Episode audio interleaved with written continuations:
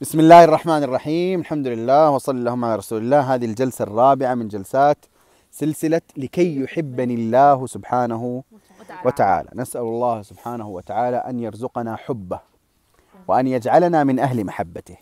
اليوم السبب المؤدي إلى محبة الله لك سبب جميل جدا وهو سبب محبب إلى النفس أصلا ولكنه يحتاج إلى نية صالحة وإلى صبر في الطريق. هذا السبب يتمثل في آية وحديث. أما الحديث فهو متمحض في هذا السبب. إيش معنى متمحض؟ يعني داخل في العمق. داخل. داخل في العمق. متركز صح صح. مركز عليه. وأما آه الآية فقد جمعت صفات من الصفات الموجبة لمحبة الله للعبد. واحدة من هذه الصفات هي ما جاء في الحديث متمحضا. جيد؟ تمام فأبدأ بالحديث الذي يصف القضية تماما أو أبدأ بالآية التي فيها صفة؟ بالآية. بالآية. طيب.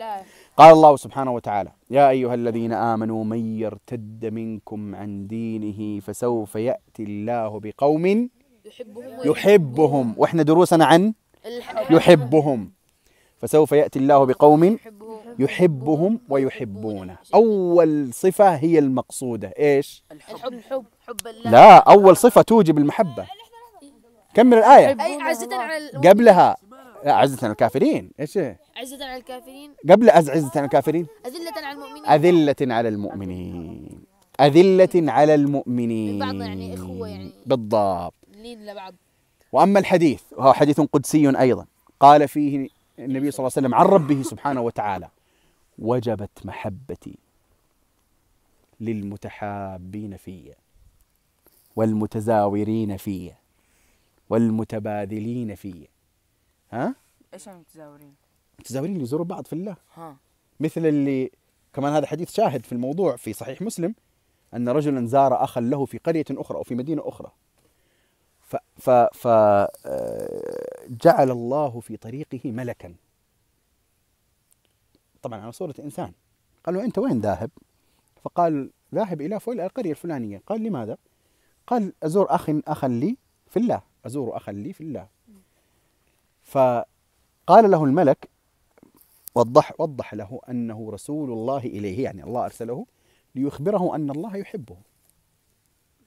لأنه أحب فلانا لم يحبه إلا لله وتكلف الطريق إليه. حديث صحيح. حديث صحيح مسلم. ممكن يعني أنا نسيت لفظه بالضبط ف لكن هذا ما أذكره من معناه. ويراجع اللفظ بالضبط إيش إيش محتويات الحديث. ف فالسبب الموجب لمحبة الله للعبد هو التحاب في الله التآخي في الله التبادل التزاور التواصي ال ال ال إلى آخره من الأشياء في الله. فمن أراد أن يحبه الله فليكن له أحبة في الله. أحبهم لأجل الله سبحانه وتعالى. وعلامة حبي لهم لأجل الله سبحانه وتعالى أن حبي لهم سيتغير سلبا إذا تغيرت علاقتهم بالله سبحانه وتعالى فارتكسوا وانتكسوا بعد اله- الهدى فلن تكون محبتي لمن تنكب طريق الطاعة كمحبتي لمن التزم طريق الطاعة وأتمه واضح؟ فهنا محبة في الله ولله ولأجل الله. فمن أحب فلانا لا يحبه أو لا يحبه إلا لله فهذا يحبه الله سبحانه وتعالى. طبعا هذا يعني نقول سبب. أما نزول محبة الله على العبد وتحققها في إنسان فهذا له ما له مما يتعلق بحكمة الله وإرادته وعلمه بعبده. جيد؟ ثلاث من كن فيه وجد بهن حلاوة الإيمان ومنها وأن يحب المرء لا يحبه إلا لله. لله. وإلى آخره من الأحاديث التي تعلمون من فضل المحبة في الله. فلأجل ذلك يا شباب من أراد أن يحبه الله سبحانه وتعالى فليحبب إخوانه لله وفي الله وليعمل معهم بمقتضى هذه المحبة من الصبر والحلم والتغاضي والتغافل. لا أتعامل معه كما أتعامل مع أي شيء آخر. أوه أنت زعلتني أنا خلاص ما أدري إيش.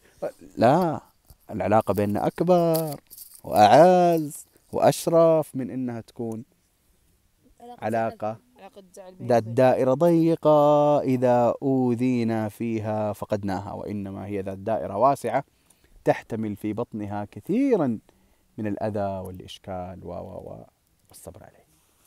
صل اللهم على نبينا محمد. وصل اللهم على نبينا محمد وعلى آله وصحبه أجمعين.